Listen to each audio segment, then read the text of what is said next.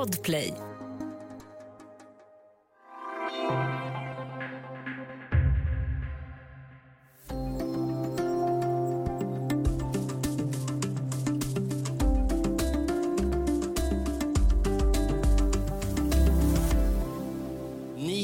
Ansvar för en usel energipolitik. Och nu vill du få det här att låta som Putins fel. Han är skyldig till mycket värre saker än så här. Det är vi överens om. Men han är inte skyldig till energipolitiken. Försök, försök säga det där till, till Liz Truss. Försök säga det till Emmanuel Macron. Försök säga det till Spaniens, Frankrike. Opinionsläget mellan regeringsalternativen är helt jämnt av mätningarna att döma och om de nu stämmer med hur vi faktiskt röstar nu på söndag.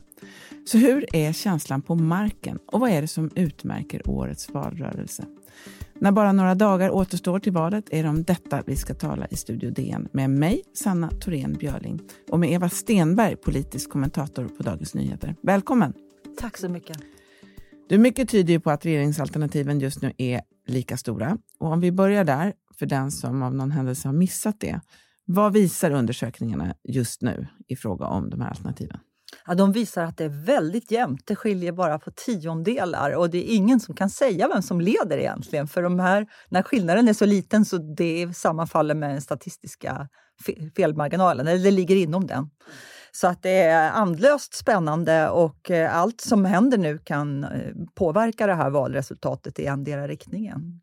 Vi ska återkomma till själva mätningarna, men du har ju följt årets valrörelse eh, som så många andra val, valrörelser. Eh, det här jämna läget, hur skulle du säga att det har märkts i kampanjerna? I början här hörde vi ju till exempel statsministerkandidaterna debattera i, i SVT. Det lät ju ganska hetsigt.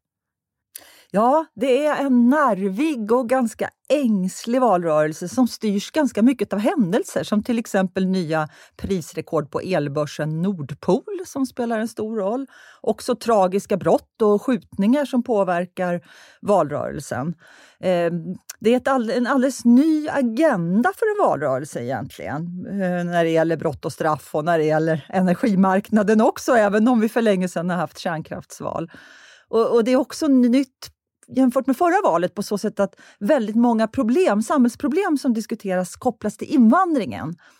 Tidigare har det varit Sverigedemokraterna som har kopplat det mesta till invandringen, men nu gör också de andra större partierna det ganska mycket.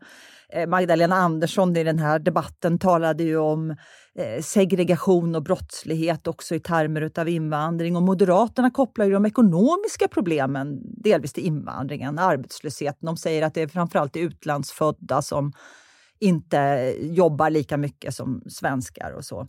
Eh, så att det, det kretsar mer kring invandringen, trots att den inte är huvudfrågan, så ligger den mer där bakom. Så det är inte bara att vi har nya samarbeten mellan partierna, utan vi har också delvis en ny agenda som den här debatten förs i den här tajta och nerviga debatten. Mm. Du har ju varit ute då med, med de stora partierna. Hur skulle du säga, hur är känslan hos, hos Socialdemokraterna som ändå är Sveriges största parti? Ja, jag var ute igår då med Magdalena Andersson, statsministern, och hon för ju en ganska amerikansk valkampanj. Det vet du Sanna som var korrespondent i USA, lite hur det var. Men det kepsar som det står Magda på. De har såna skyltar man kan sätta i gräsmattan framför sitt hus där det står “Jag har röstat på Magda” hon togs emot ganska mycket som en rockstjärna när vi kom till Katedralskolan, ett gymnasium i Uppsala. Alla ungar stod utanför och jublade och ville ta, eller alla men många, och ville ta selfies och sådär. Det, det, det, det var rätt god stämning. Eh, hon höll också ett, ett torgmöte där, där det var mycket folk. Eh, och det är väl ungefär samma tal som hon håller hela tiden på olika platser. Men det är ett väldigt högt tempo och däremellan vill hon gärna berätta hur hon ringer EU-ledare just om elkrisen för att markera att hon är statsmannen. De, de säljer mycket på hennes regeringsskicklighet, hennes person, hennes förtroende. Det är inte så många klara, tydliga, konkreta besked. Så här vill vi förändra Sverige, exakt så här vill vi göra. Eh, utan debatten är ganska allmän. Mm. Och om man vänder på det då eh, och tittar på Moderaterna, hur är känslan hos dem? Ja, förra veckan var jag ute med Ulf Kristersson och åkte turnébuss istället. Då. Det var ju Eh, en vecka där Moderaterna gick ner i opinionen och Sverigedemokraterna gick upp och det fanns en del kritiska röster inom Moderaterna och en ganska stor oro. Men jag måste säga att Kristersson lyckades hålla ett oerhört gott humör med tanke på det. Han besökte valstugor, tog väldigt mycket selfies ihop med gymnasieungdomar och andra och gav intervjuer. Han eh, besökte bland annat Surahammar där ju Moderaterna, Sverigedemokraterna, Centerpartiet, Liberalerna och Kristdemokraterna styr tillsammans. Så det var väl lite så att säga en poäng bara att vara på den här platsen och visa hur han skulle vilja ha framtiden egentligen. Eh, men, men eh, han höll inte tal på det sättet Magdalena Andersson gjorde. Och det är mycket möjligt att det finns en keps, men jag såg den inte i, alltså en Ulf-keps, men jag såg inte såna i turnébussen. Blir en valrörelse sjaskigare när det är väldigt jämnt? Att båda sidorna känner sig väldigt stressade och börjar... Ja, om det handlar om att locka ganska få röster så kan det ju vara frestande att tänka att det är bättre att skrämma bort väljarna från att rösta på det de har tänkt än att säga vi har lösningen på problemen, så här ser de ut. Eh, och, och, och, det gör det ju sjaskigare. Och man ser ju att tonläget är hårt mellan politikerna. De anklagar varandra för att ljuga och det finns invektiv. Och, ja, ibland befinner de sig på olika planeter, som i den här duellen mellan statsministern och oppositionsledaren igår där de beskrev den här elkrisen på ett sätt som man tänkte att de levde på två olika planeter. Det var helt olika förklaringar så det blir lite mer, vad ska man säga, dramatiskt kan man säga? Ja, det blir mer, mer dramatiskt och, och, lite mer känslosamt också faktiskt. Hur märks det på annat sätt att partierna är stressade om man inte bara tittar på eh, Moderaterna och Socialdemokraterna? Vilka partier tror du är mest eh, nervösa här? Liberalerna tror jag är nervösa. De eh, blev ju så glada när de började gå upp och såg ut att klara 4% spärren med marginal. Nu har de gått ner lite och jag tror att det som gör dem nervösa bland annat är just det här att Sverigedemokraterna har blivit större än Moderaterna. Det finns en oro för att många av deras sympatisörer nu är ju stödröstare. Stödröstarna är en väldigt viktig grupp. Det är väl Sveriges tredje största parti i storlek ungefär. Nästan 20 procent av väljarna stödröstar. Så att det här är jätteviktigt för partierna. Och det Liberalerna fruktar är ju att de här stödrösterna som kanske egentligen gillar Moderaterna allra bäst, men som tänker ska vi göra Ulf Kristersson till statsminister, då måste vi ha med Liberalerna i laget, för annars blir det inte tillräckligt stort. Så de som har tänkt så, att de ska istället tänka, men nu håller ju Moderaterna på att bli det mindre partiet. Så kan det ju inte vara. Nu växer ju Sverigedemokraterna om. Nu måste jag tänka om. Jag lägger inte min röst längre på Liberalerna. Jag röstar mod moderat istället på mitt hjärteparti, så att säga. Det, den oron finns. Mm. Vi ska alldeles strax tala mer om det jämna läget inför valet.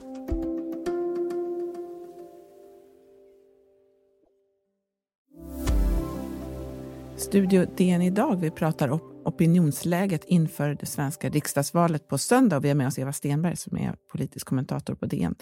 Du, förra gången som det var val i Sverige, det var 2018, då var det lite grann som att valrörelsen aldrig riktigt kom igång. Det fanns inte riktigt någon ens riktig sakfråga, inte ens migrationsfrågan eftersom den stora krisen hade lagt sig och alla partier ville strama åt politiken.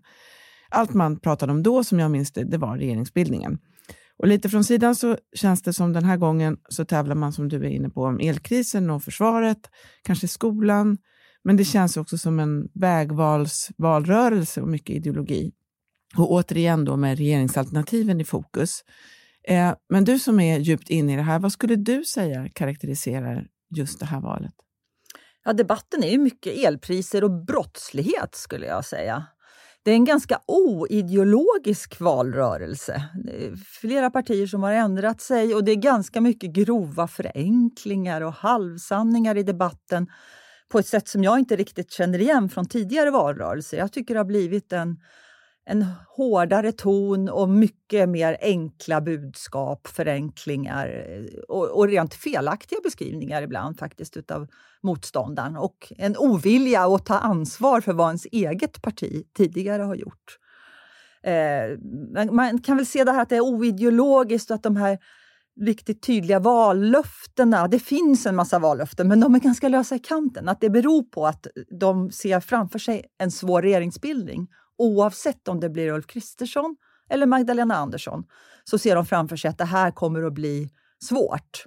Och då kan man inte ha för mycket låsningar eller fel förväntningar från väljarna.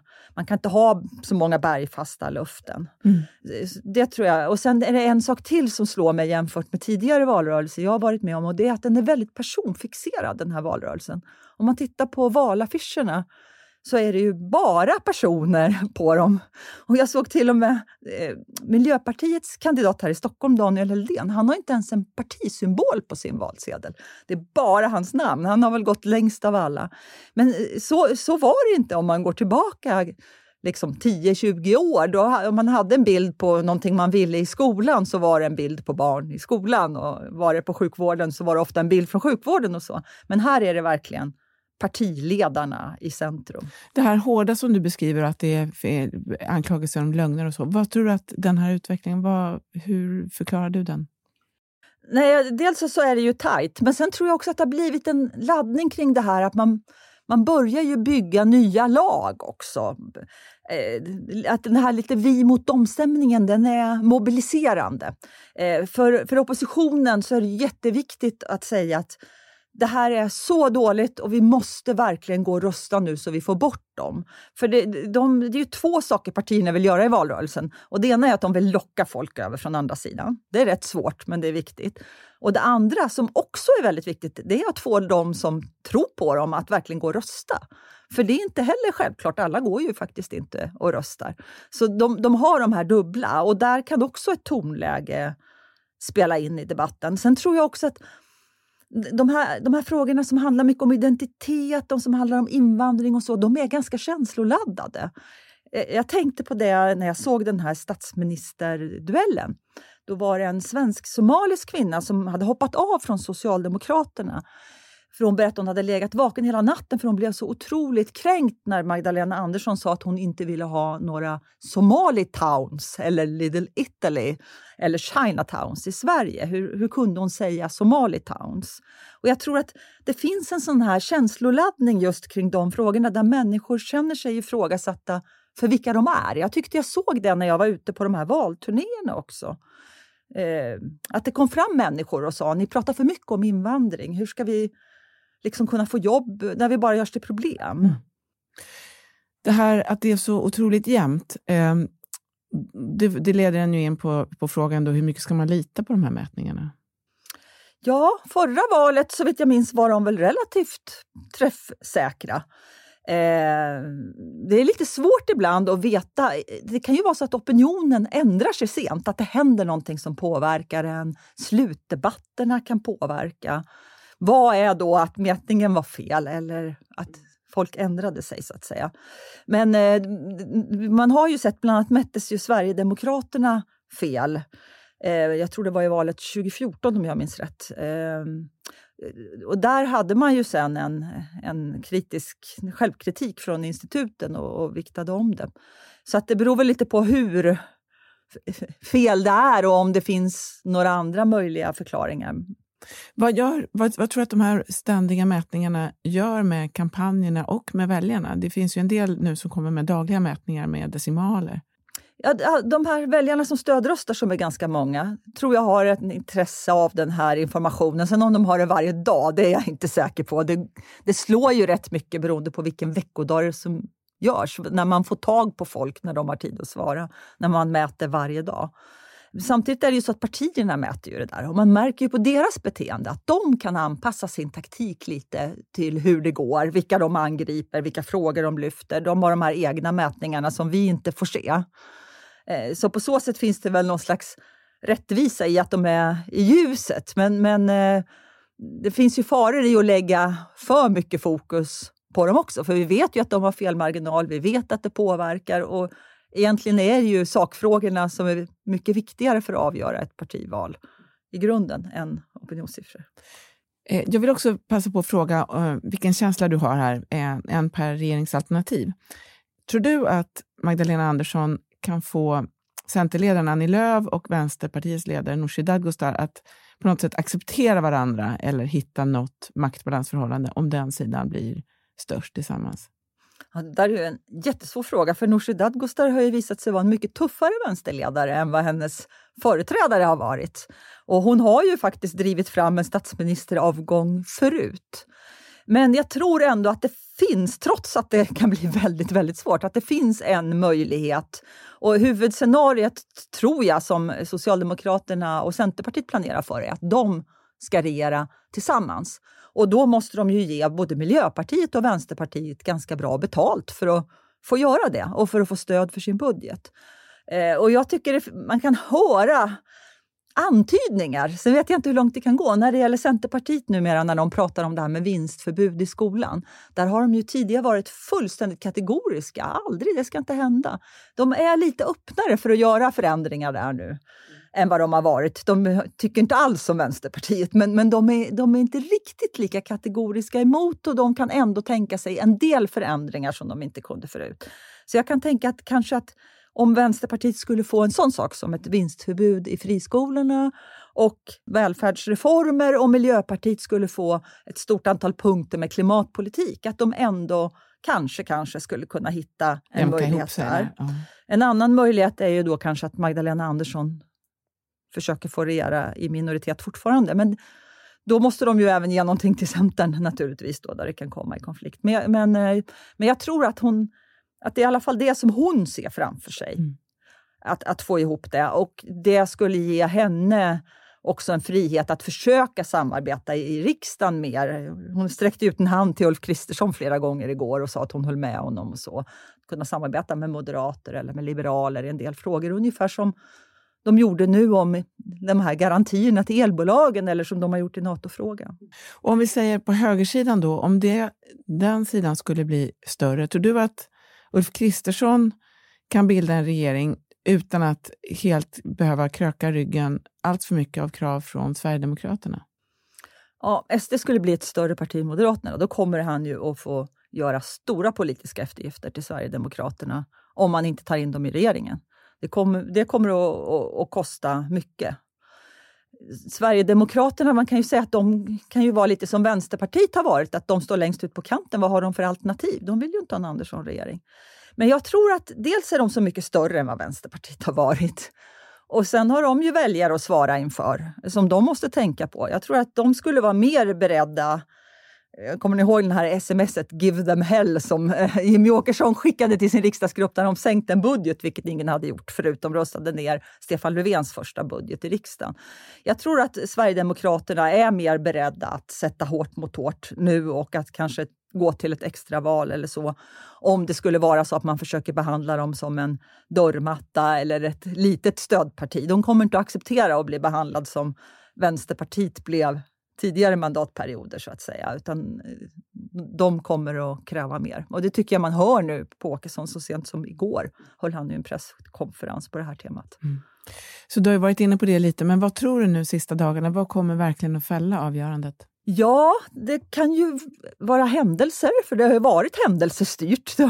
Ehm, det kan vara ehm, en, e, e, e, en till sån här fruktansvärt brott som vi hade den här skjutningen på Emporia i Malmö där en 15-åring mördade en man inne i ett köpcentrum och eh, skottskadade en förbipasserande kvinna. Eller den här skjutningen i lekparken. En sån händelse skulle kunna påverka det. Om EU kommer fram till ett energipaket som kan sänka elräkningarna ordentligt så skulle det kunna påverka i motsatt riktning från regeringens perspektiv sett. Och de skulle sannolikt förlora på en skjutning. Men de skulle kunna vinna på, i synnerhet som Magdalena Andersson var så noga med att understryka att hon hela tiden talar med EU-ledare om elen och sådär så tror jag att de skulle kunna vinna på det. Sen kan det också komma avslöjanden eller skandaler i valrörelsen, även om det är kort tid kvar. Slutdebatterna kan få betydelse när det är som, så, så jämnt, om någon trampar igenom fullständigt eller någon är helt briljant. Mm. Så mycket tyder på att det här inte är slut på måndag morgon. Så du, Eva, fortsätter jobba dygnet runt ett tag till? Nej, dygnet runt tänker jag inte jobba. Men jag tänker hjälpa min 91-åriga mamma att rösta på valdagen till exempel. Men det kommer nog att bli en hel del jobb, det tror jag. Stort tack för att du var med idag, Eva Stenberg, politisk kommentator på Dagens Nyheter. Tack. Om du vill kontakta oss så går det bra att mejla till studiodn Kom också ihåg att prenumerera på Studio DN där du lyssnar på poddar så missar du inga avsnitt. Studio DN görs för Podplay av producent Sabina Marmelaka, ljudtekniker Patrik Miesenberger och teknik Jonas Lindskog Bauer Media. Jag heter Sanna Thorén Björling.